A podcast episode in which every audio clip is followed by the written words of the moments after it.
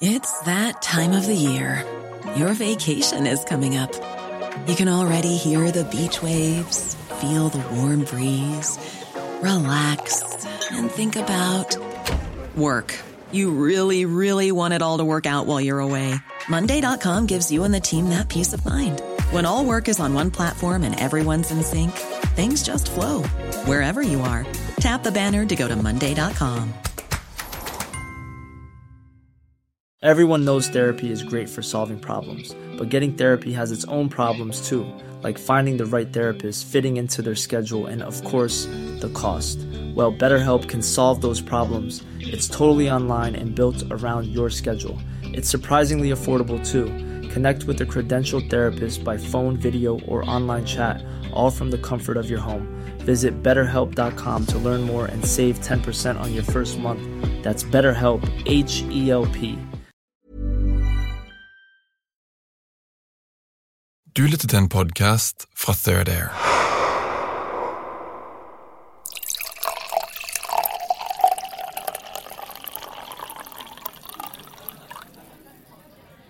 Glassene på brettene er så rene at jeg er ganske sikker på at det må være første gangen de blir brukt. Idet det blir skjenket pink gin and tonics og boblende gyllen champagne. Men snart blir de grepet. Av kvinner i ballkjoler og menn i kullsorte tuxedos som smiler til hverandre. Og spesielt, og litt ekstra, til de tallrike kameraene og mobiltelefonene. Snacksen som tjenerne bærer rundt på sølvbrett, er kunstferdig utformet som små skulpturer. Vi er på Hotell Hilton i Santon i Johannesburg i Sør-Afrika. I hjertet av den rikeste kvadratkilometeren i hele Afrika. De fleste i rommet er svarte sørafrikanere. Skuespillere, sangere, TV-personligheter og forretningsfolk. Folk med penger, suksess og Instagram-kontoer med mange, mange følgere. Dette er et event som er designet for å bli filmet og fotografert. Og ikke minst delt med alle de som ikke er invitert.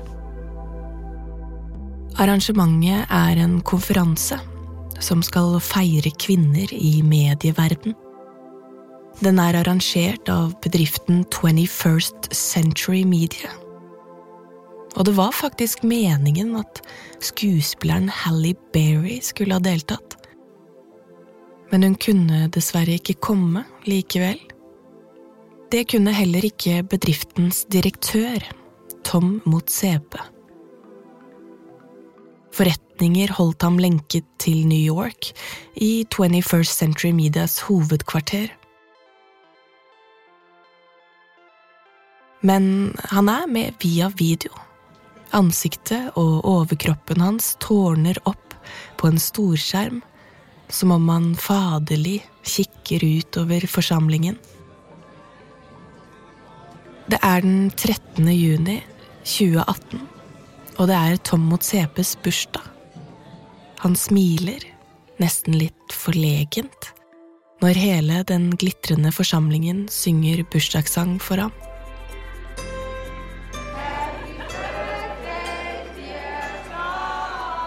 Etter alt å dømme så er det sant at det er Tom mot CPs bursdag.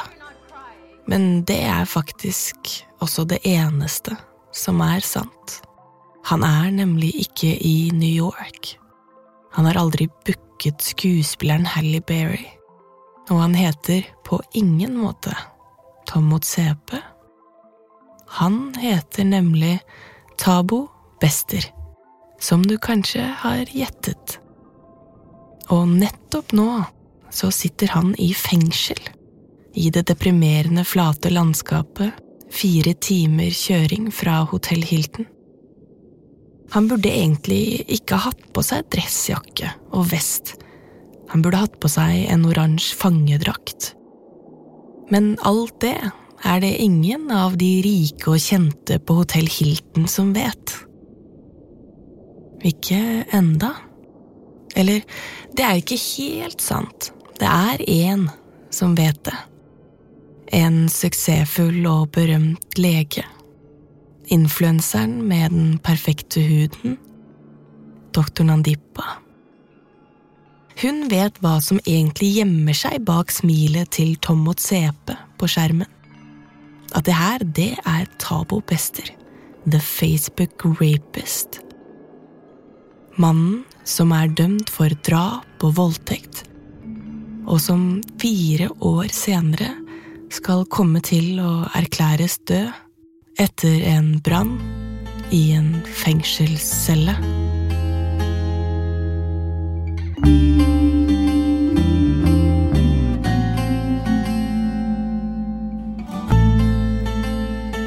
Så, her er vi nå.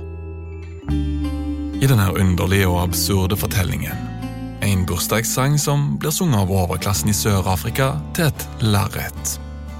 Mens mannen på lerretet egentlig sitter i fengsel. Og du har kanskje innsett det allerede, men det her er langt fra den siste absurde vendinga i historien om The Facebook Rapist, som Rasmus Spitz har gravd opp til oss fra sydspissen av det afrikanske kontinentet. Vi har faktisk denne og tre episoder igjen. Og hvis du har lyst, kan du gå inn i appen hvor du lytter og trykke 'følg oss'. Så kommer neste episode opp automatisk når den publiseres. Du lytter til en mørk historie. Og det her er episode to, en falsk bursdag, i fortellingen om den brente mannen. Historien fortelles av Emilie.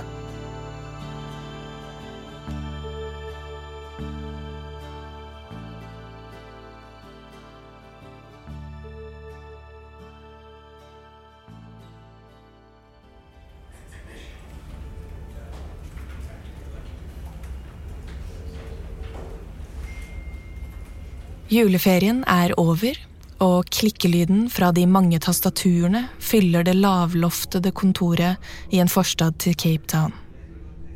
Det lille mediet Groundup deler lokalet med en rekke humanitære organisasjoner, og alle som jobber her, er idealister som ønsker å skape en bedre verden. Og akkurat det kan være ganske tøft å gjøre her i Sør-Afrika. For ofte føles det ikke som at verden faktisk blir noe bedre. Historiene som de skriver, blir ikke lest av særlig mange. the majority of our articles are depressing because they are about the suffering that people in South Africa go through, whether it's hunger, um, education, lack of education, lack of access to resources. Men noen ganger dukker det opp saker som gjør alt verdt det. Every now and again, these these moments happen where we feel confident in what we're doing and that we're doing it, that it's worth doing. Saker som eksploderer mellom hendene på de underbetalte journalistene. Um, and the Dabo Bester story is is probably the biggest one of those moments in a in a while.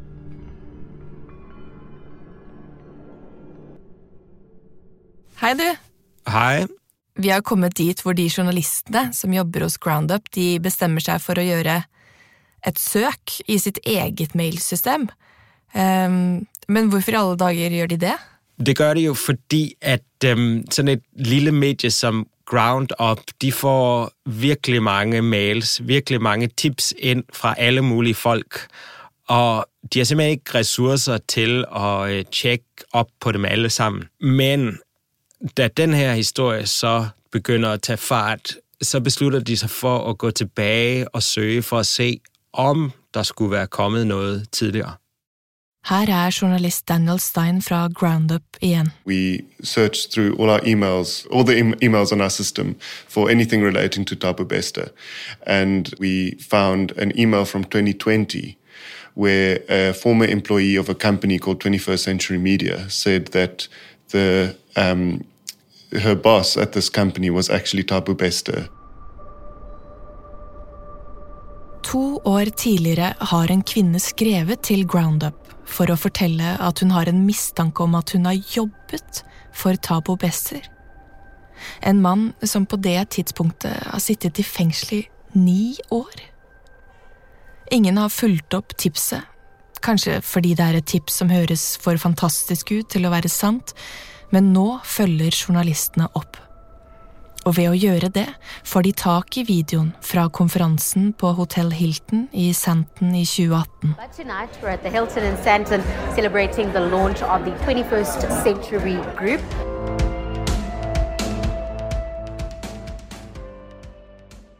Altså, Rasmus, hva Dette er jo ganske sånn Ganske vilt, da. Hva tenker du idet du ser den videoen her for første gang?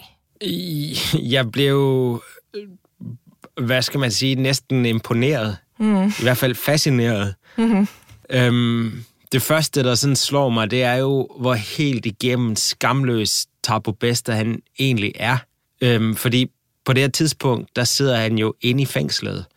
Men det er jo ikke mange år siden, at hans ansikt var på tv og i alle aviserne under navnet The Facebook Rapist.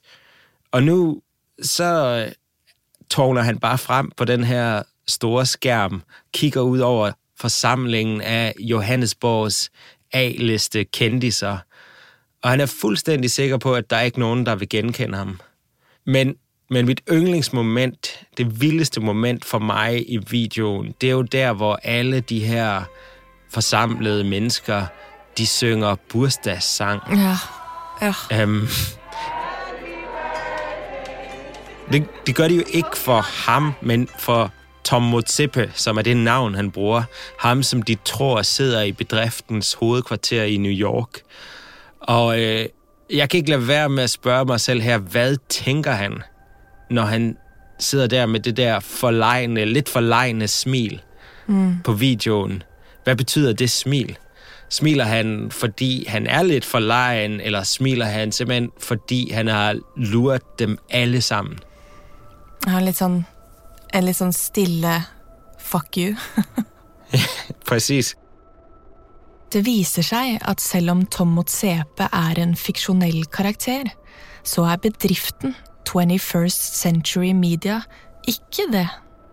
Den eksisterer faktisk. Det forteller nemlig kvinnen som har tipset Daniel hos Groundup. She had been going to work at these fancy offices in Santon. Um, they were working on TV productions and events and all kinds of things, and being paid proper salaries. And everyone in the company was educated, and you know they they were doing real work. But there was this mysterious chairman who would video conference them. And when you look at the picture, it's undoubtedly Tabu Bester. Rasmus, hvordan i alle dager har Tabo Bester fått til å starte en bedrift innenfra et fengsel? Vi vet det faktisk ikke, men det der jo er klart, er at han har ikke kunnet gjøre det uten hjelp både innenfor og utenfor væggene til fengselet. Um, mm. For eksempel så skal han jo ha adgang til internettet. Så skal han ha flotte klær. Så skal han uh, registrere sitt selskap. Altså, der er mange detaljer som vi ikke har. Um, men noe som vi vet, det er jo at han sier at han er i USA. Og det er derfor han alltid holder møder på Zoom eller Teams, eller hva han nu har brukt. Øh, det gør han alltid om aftenen. Mm. Og han sier at det er på grunn av den her forskel i tidszonen. Men det som det tyder på, det er jo at han har haft adgang til sin laptop og nettforbindelse kun om kvelden. Mm. Og øh, så har han fundet på den her forklaring med, at han har siddet i en anden tidszone ah. for at retfærdiggøre og holde businessmøder om aftenen. Ja. Um, og det er jo en veldig elegant løsning, egentlig. Det er tydelig at Tabo Besser ikke hadde klart å orkestrere verken bedriftskarrieren sin eller flukten uten hjelp fra innsiden av fengselet. Men hvem har hjulpet ham? So, South Africa has a long um, and dark history when it comes to prisons. Um, you know, from colonial times where where we had the death sentence, torture, executions. Um, political prisoners have been part of South African history since the very start. Som Daniel forklarer, så har Sør-Afrika en lang og mørk historie når det gjelder fengsler. Spesielt under apartheid, der politiske fanger og harde kriminelle ble blandet sammen i celler som var altfor små. Noe som førte til sykdommer, konflikter, maktfulle gjenger og ikke minst vold. There were up to several hundred prisoners held in, in cells um, without proper bedding. Men det som egentlig var intensjonen, var at nettopp dette fengselet, hvor Tabo Bester satt, skulle bidra til å bringe en ende til de dårlige forholdene. Det er et relativt nytt fengsel, både bygget og drevet av en privat aktør.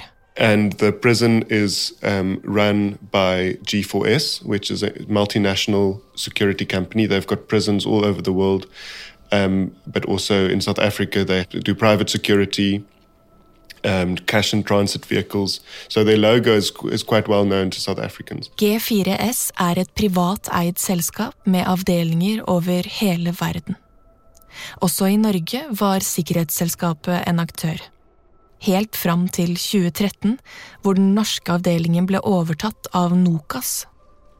Og i tiden etter at bildet av Bester offentliggjøres, møter selskapet massiv kritikk. Det blir til nesten sånn en omgang absurd teater.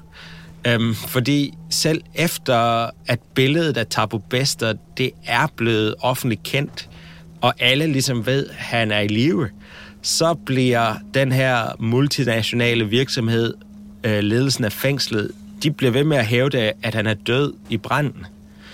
Øhm, men det holder selvfølgelig ikke, så de bliver jo endelig tvunget til at indrømme, at det ikke er ham, øh, der døde. Så sparker de tre fængselsvagter, som de så siger har lavet enkelte fejl. Øhm, men den forklaring er der selvfølgelig ikke noen der køber lenger. Det her det er langt, langt mer enn enkelte feil. Ledelsen i fengselet blir hentet inn for å svare for seg, og det må de gjøre i det sørafrikanske parlamentet. Og det her er opptak fra høringen. Why did G4S cling to the version that was Thabo Bester's body in that cell, even after it was very clear to everybody else in South Africa that it wasn't? Just answer me that question. Because we were not the primary investigating authority and we did not have access to the prime evidence, honorable member. And that's your answer? Yes. Wow. Det, der sker i parlamentet, det er, at fængselsledelsen de bliver simpelthen skilt ud. Og øh, det er især en af oppositionslederne, en der hedder Glennis Bradenbach, som går forrest. To the South African public. They have an interest in not having serial rapists and murderers running around the streets. And your job was to make sure that didn't happen. A job you failed at miserably. Hende hun har tidligere arbejdet som statsanklager, og når det ligesom er hende, der har mikrofonen, så er det næsten som om man får hele medlidenhed med de her G4S-repræsentanter. Do you honestly want to tell people that you think or that you're satisfied, or that the ambit of your investigation was satisfied after three people were suspended and fired. Really? That's what we are able to say at this stage, Honourable Member. Good Lord. Saken er nå oppe på aller høyeste nivå i det sørafrikanske samfunn. Og etter å ha hevdet at Tabo Besser var død i et helt år, så må selv G4S innrømme at han er i live. Men hvor han er, det vet verken de, parlamentsmedlemmene eller politiet. Og ikke minst så vet jo også da et samlet sørafrikansk pressekorps alt det her. Eh, og de er jo alle på leting etter ham, men det er ikke du, Rasmus. Nei, um, det har jeg oppgitt på forhånd. Vi har dessverre ikke uh, reisebudsjett til å lave en efterforskning i det hele sydlige Afrika her hos 30 Um, så jeg beslutter meg for faktisk å gå i en annen retning. Jeg går ligesom baglæns på jagt efter en oprindelseshistorie til Tabu Bester, en skabelsesmyte, kan man sige. Og det, som er interessant her, er jo, at der er skrevet og snakket virkelig meget om Tabu Bester, men der er faktisk ikke særlig mange facts. Der er mange, mange huller i den her historie. Så der er ikke rigtig nogen, der kan svare på, hvem den virkelige Tabo Bester er. Så det forsøger jeg at komme tættere på ved at gå baglæns, og der går jeg simpelthen i gang med at læse alt, hvad der er skrevet om Tabo Bester for 10-12 år siden. Og det er egentlig derfor, jeg kontakter Megan, Megan Batkis. De to journalistene som kanskje kom tettest på Tabo Bester da han først ble kjent i offentligheten, var Megan Badges og Chegole Pule. De skrev om han allerede da han ble fengslet og anklaget for drap og voldtekt i 2011. Og det er nettopp her han får kallenavnet The Facebook Rapist, fordi han, som du nok har gjettet, brukte nettopp Facebook til å komme i kontakt med sine ofre. Her er Megan. I think Facebook then was probably what TikTok is now. Every so now and then you would hear of you know somebody who was stalked on Facebook or somebody, but like now we have a real person and and and you've got a face that you can now put to you know one of these Facebook um, perpetrators, if you want to call them that. So that is what made it such a such a such a big story. I dag er podkastfeeden min full av historier om Tinder-svindlere og TikTok-bedragere, men sånn var det ikke i 2011. Og det var derfor Tabo Bester ble berømt.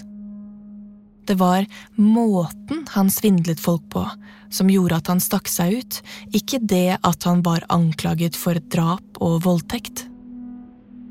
Du skal huske på, at vi er i Sydafrika, hvor der hver eneste dag blir begået mellom 50 og 60 drab. Det lyder lidt hårdt, men en ligesom vanlig voldtægt eller et vanligt drab, det er ikke nok til at komme i nyhederne. Der skal noget mere til, og, øh, og i 2011, så var det ligesom Facebook, der var et buzzword. Det var Tabo Besters modus operandi som gjorde ham berømt. Det han gjorde, var å henvende seg til unge kvinner på Facebook, hvor han utga seg for å være en scout for et modellbyrå. Han gikk direkte etter unge, vakre kvinner som drømte om det livet de nå plutselig kunne leve seg inn i og følge med på i real time på Facebook.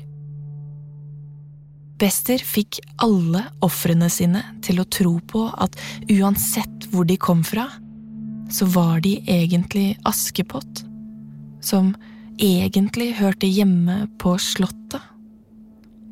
Det var det som var hans største talent, å selge en drøm.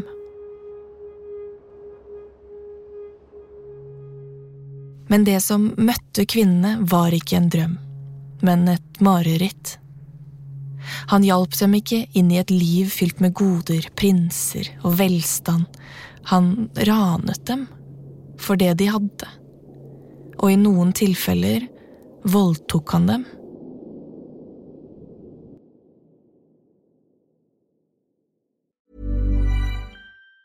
If you thought the only way to get a more defined jawline with natural-looking results was through surgery, think again. Juvederm Volux XC is a non-surgical injectable gel filler that improves moderate to severe loss of jawline definition and can help you achieve natural-looking results with little downtime. Even better, this improved definition lasts up to one year with optimal treatment. No maintenance required. Improve jawline definition for a smooth, sculpted look with Juvederm Volux XC. For important safety information and to find a licensed specialist, visit juvederm.com. That's J U V E D E R M.com. Not for people with severe allergic reactions, allergies to lidocaine, or the proteins used in Juvederm. Common side effects include injection site redness, swelling, pain, tenderness, firmness, lumps, bumps, bruising, discoloration, or itching. There's a risk of unintentional injection into a blood vessel, which can cause vision abnormalities, blindness, stroke, temporary scabs, or scarring. Talk to a licensed specialist to find out if it's right for you. Many of us have those stubborn pounds that seem impossible to lose, no matter how good we eat or how hard we work out.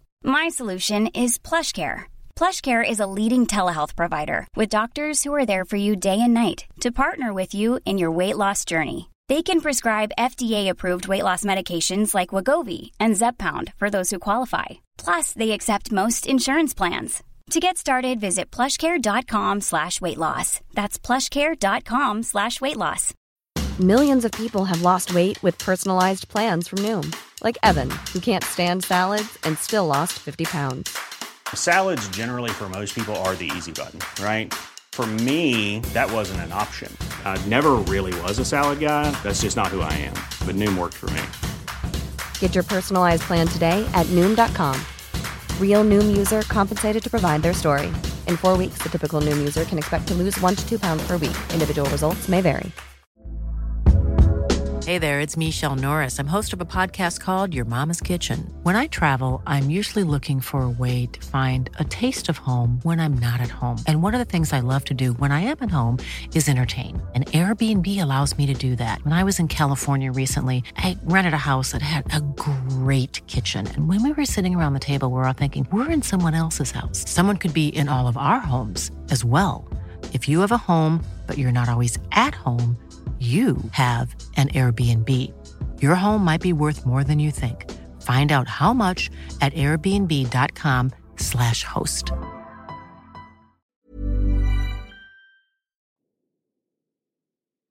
Og i lang tid så eh, slapp han jo faktisk unna med det her, da. Eh, helt frem til det jo åpenbart sa stopp. Og, og hvorfor sa det stopp, Rasmus? Det er jo en foreløpig tragisk kulminasjon på hele historien, men det, der sker, det er, at Tabo Bester, han bor på et luksushotel i Cape Town med sin daværende kæreste Numfundu Tiolo. Mm. Hva der faktisk sker inne på hotelrummet, det ved vi ikke, fordi den eneste, som kan fortælle oss, det er Tabo Bester. Øhm, men hans version er, at de to har et krangel. En af dem tager en fat i en kniv, og så ender det med, at Tabo Bester stikker kæresten og dræber hende ved et uheld, siger han selv.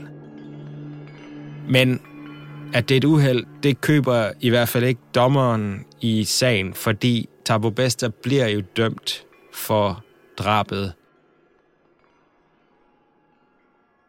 Og selv om han fikk livstid i fengselet, så fikk han faktisk lov til å fortelle sin side av historien til offentligheten. Og det skyldes de to unge reporterne som tilfeldigvis var på jobb i tabloidavisen Daily Voice da Tabo Bester ble dømt. Megan og Chego. Det er fredag, dagen etter at han er dømt til livstid i fengselet.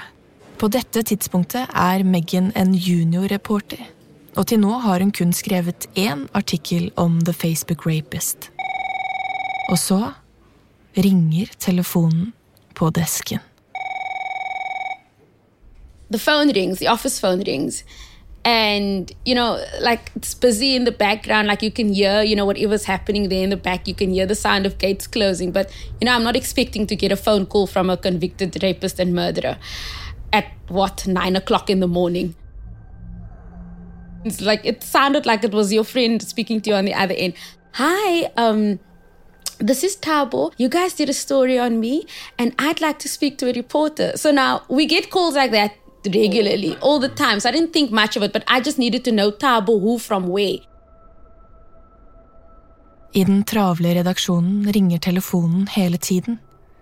Og Meghan oppfatter ikke med det samme hvem det er som snakker til henne, i denne nedtonede, milde stemmen på andre siden av røret. And then he says, um, Tabo Bester, the Facebook rapist. Did he actually use that as his title? He had to. Well, in order for me to know exactly who he was. Megan skjønner nå at på den andre siden av samtalen sitter hovedpersonen i en av samtidens største rettssaker. Han sier han ringer fra fengselet, og han snakker til Megan som om de er gamle venner. And at that point, it's a big deal. And now the main sentenced wants to give an exclusive interview to you. So you think, what what do you think in that situation? Um, I mean, what I really thought, I don't think I can say on. I thought, oh fuck, this is a good one.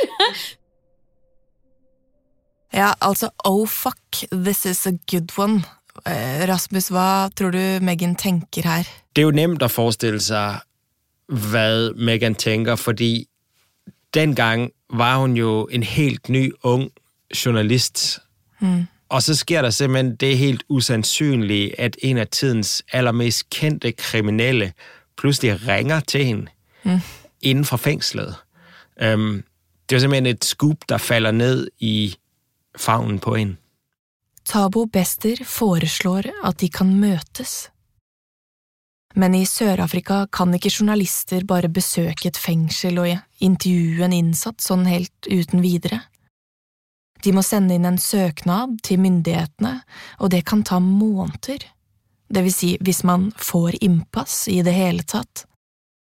Og på dette tidspunktet har det bare gått en eller to dager siden Tabo Bester ble idømt livstid så det kan bli tricky å få intervjuet i stand. Tau Bester han har allerede fullstendig styr på, hvordan man navigerer i fengselssystemet, fordi innenfra maximum security-afdelingen i et av de hårdeste fengsler i landet, så har Tabo Bester arrangeret, at de skal komme på besøg.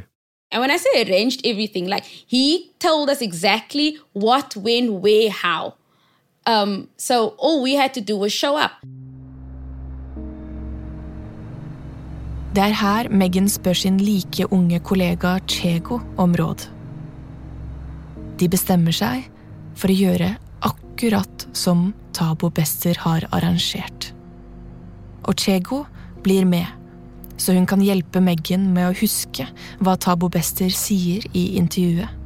I was there as as a second ear, as a second set of eyes, so that I can record anything that she misses. Because we went in there and we wouldn't have been allowed our pens, our notepads. Because just to confirm that and get it on the tape, you're going in undercover. No one's supposed to know you're journalists. Nobody's, nobody's supposed to know that we're journalists. We're there as ordinary visitors. Dagen etter er det to nervøse journalister som kjører til fengselet Drakenstein utenfor Cape Town. Og som for å gjøre det hele større for dem begge, så er det første som møter dem utenfor fengselsmurene, en bronsestatue av Nelson Mandela, med hånden hevet mot himmelen i en seiersglede frosset i tid. Det var nemlig her den sørafrikanske frihetshelten satt fengslet før han ble løslatt og verdensberømt. Journalistene går forbi statuen og inn i fengselet.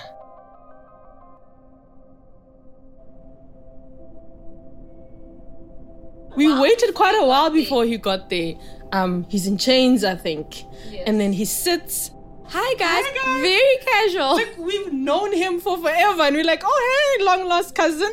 Tidligere har vi snakket om at de ler litt i møte med den saken her fordi de er herda, men det er kanskje ikke helt det som skjer nå? Det er jo faktisk det modsatte av de her herdede, erfarne journalister, som har sett for mye. Det her, det er jo to unge kvinder, som møter en situasjon som er helt absurd.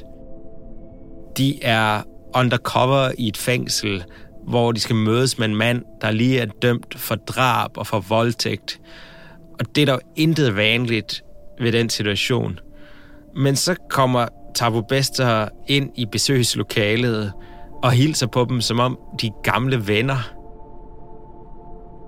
Men det, der så er endnu mere utroligt, det er jo, at det faktisk virker. Det begynder at føles, som om de faktisk er gamle venner. Og her står de overfor et historisk sammentreff. For som du sikkert husker, så var det nettopp i dette fengselet at Nelson Mandela satt mens han forhandlet om avslutningen på apartheid.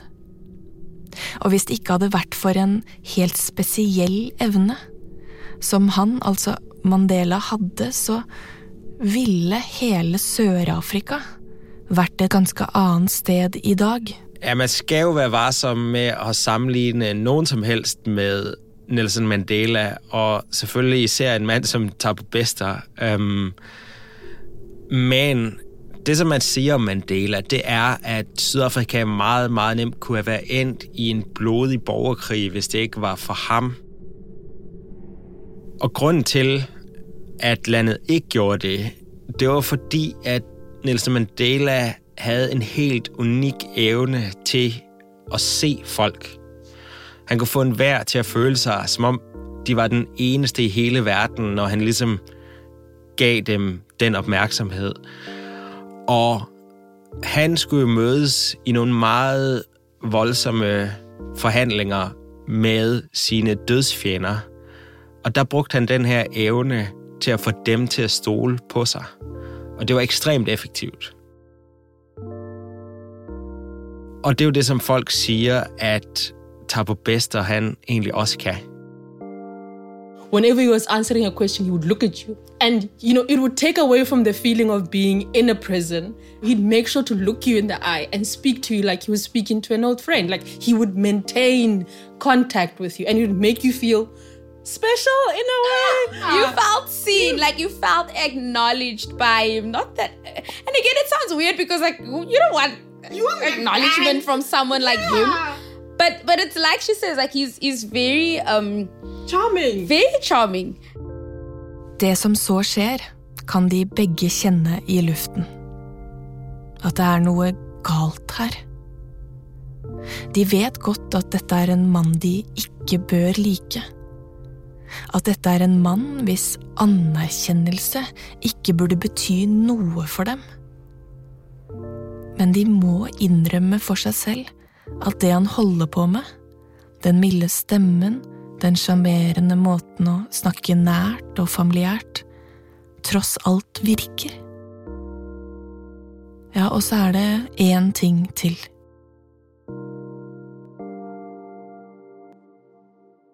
I think he was wearing a belt with his prison. Why do I remember a belt? Black belt. Right? With his with his prison overall. And so he came um and tucked in, tucked in He was and a he really gentleman. He- yes, he- he- he looked took very care. well put Yes, together He in took care of what he looked like. But, uh, but let, if I just stop there, like, that requires something special to look good in a prison uniform, to fe- look like put together. Like, very well pu- listen, I'm talking about very well put together. Oh, I can feel people's judgment. Mens hun sier dette til Rasmus, kan Meghan altså allerede føle at folk kommer til å dømme henne. Si at hun er naiv. Men det er hun ikke. I alle fall ikke mer enn mange, mange andre som havner på Tabo Besters vei. De sier nemlig alle sammen noe lignende. At han fikk dem til å føle seg spesielle. At de hadde en helt unik connection. At verden forsvinner når Bester kommer inn i et rom og ser deg i øynene. Men omverdenen vender med ett tilbake til de to journalistene. Idet vaktene kommer inn i rommet og Tabo Bester igjen settes i håndjern. For da forlater de to cellen med en gang og skynder seg ut i bilen, hvor de prøver å huske og skrive ned alt det han har sagt. De har jo ikke tatt verken opptak eller notater. And the second we get into the car, we don't speak, we don't make eye contact, we don't do anything. We grab our notepads and we just start writing. And over those three visits, that's exactly what we did. Det ender med at de to skriver i alt tre artikler om Bester. Men det er ingen enkel oppgave. Det er stort sett umulig å fastslå om det han sier er sannhet eller løgn. Så det skriver de inn i artiklene om ham. Men for Tabo Bester selv eksisterer ikke denne forskjellen. Virkeligheten er irrelevant. Det har ikke det sprøyt å si om historien du forteller er sann. Det som er viktig, er om andre mennesker tror på den. Og det er denne evnen Tabo Bester har perfeksjonert tolv år senere, idet han forteller sin hittil største løgn. For en mann der har levet av å få folk til å tro på sine løgne hele sitt voksne liv, så må man jo nok si at Tabu Bester når et høydepunkt her, fordi det er jo vildt at overbevise et helt land om, at man er død. Det er imponerende. De to journalistene Meghan og Chego snakker ofte om Tabo Bester i tiden etter brannen.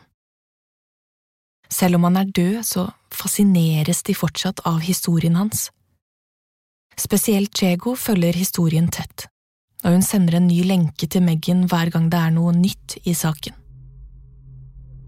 Men når nyheten om at Tabo Bester faktisk ikke er død, slipper ut, så vender fascinasjonen seg med ett til nervøsitet for Megan. That changed very quickly for me.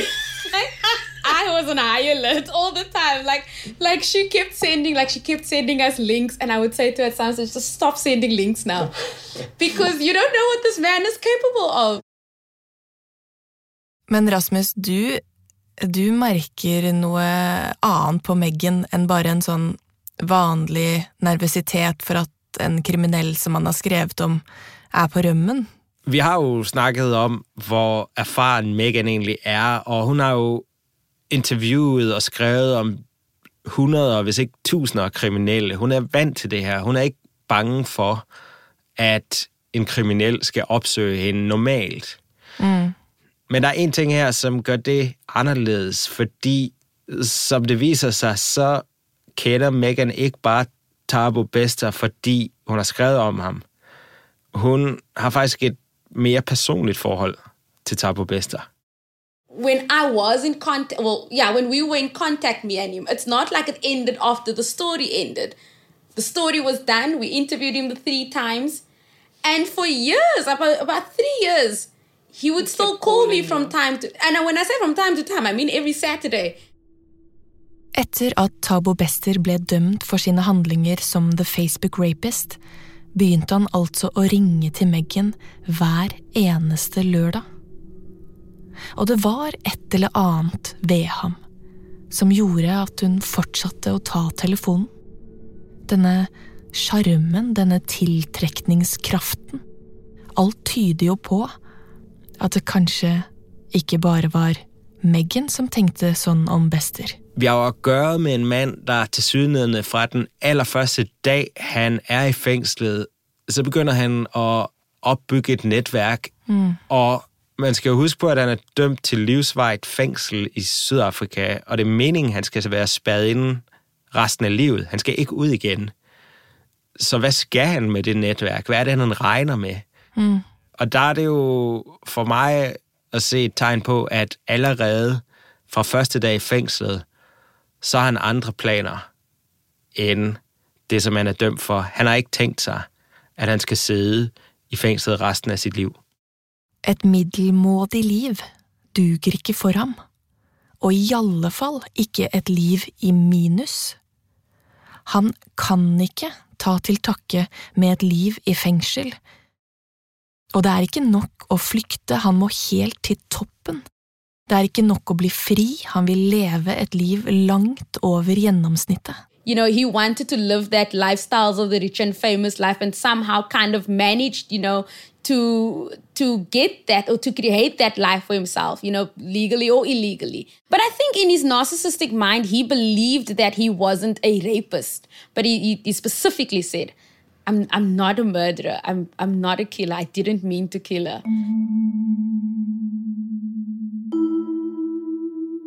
Om du kjøper den forklaringen eller ikke, får du bedre sjanse til å bedømme i neste episode av historien om den brente mannen.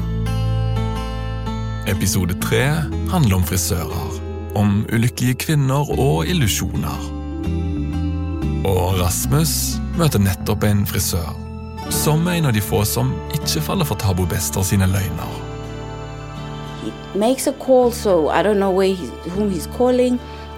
He just goes, "Get the private jet ready. I'm flying these girls out of Cape Town now."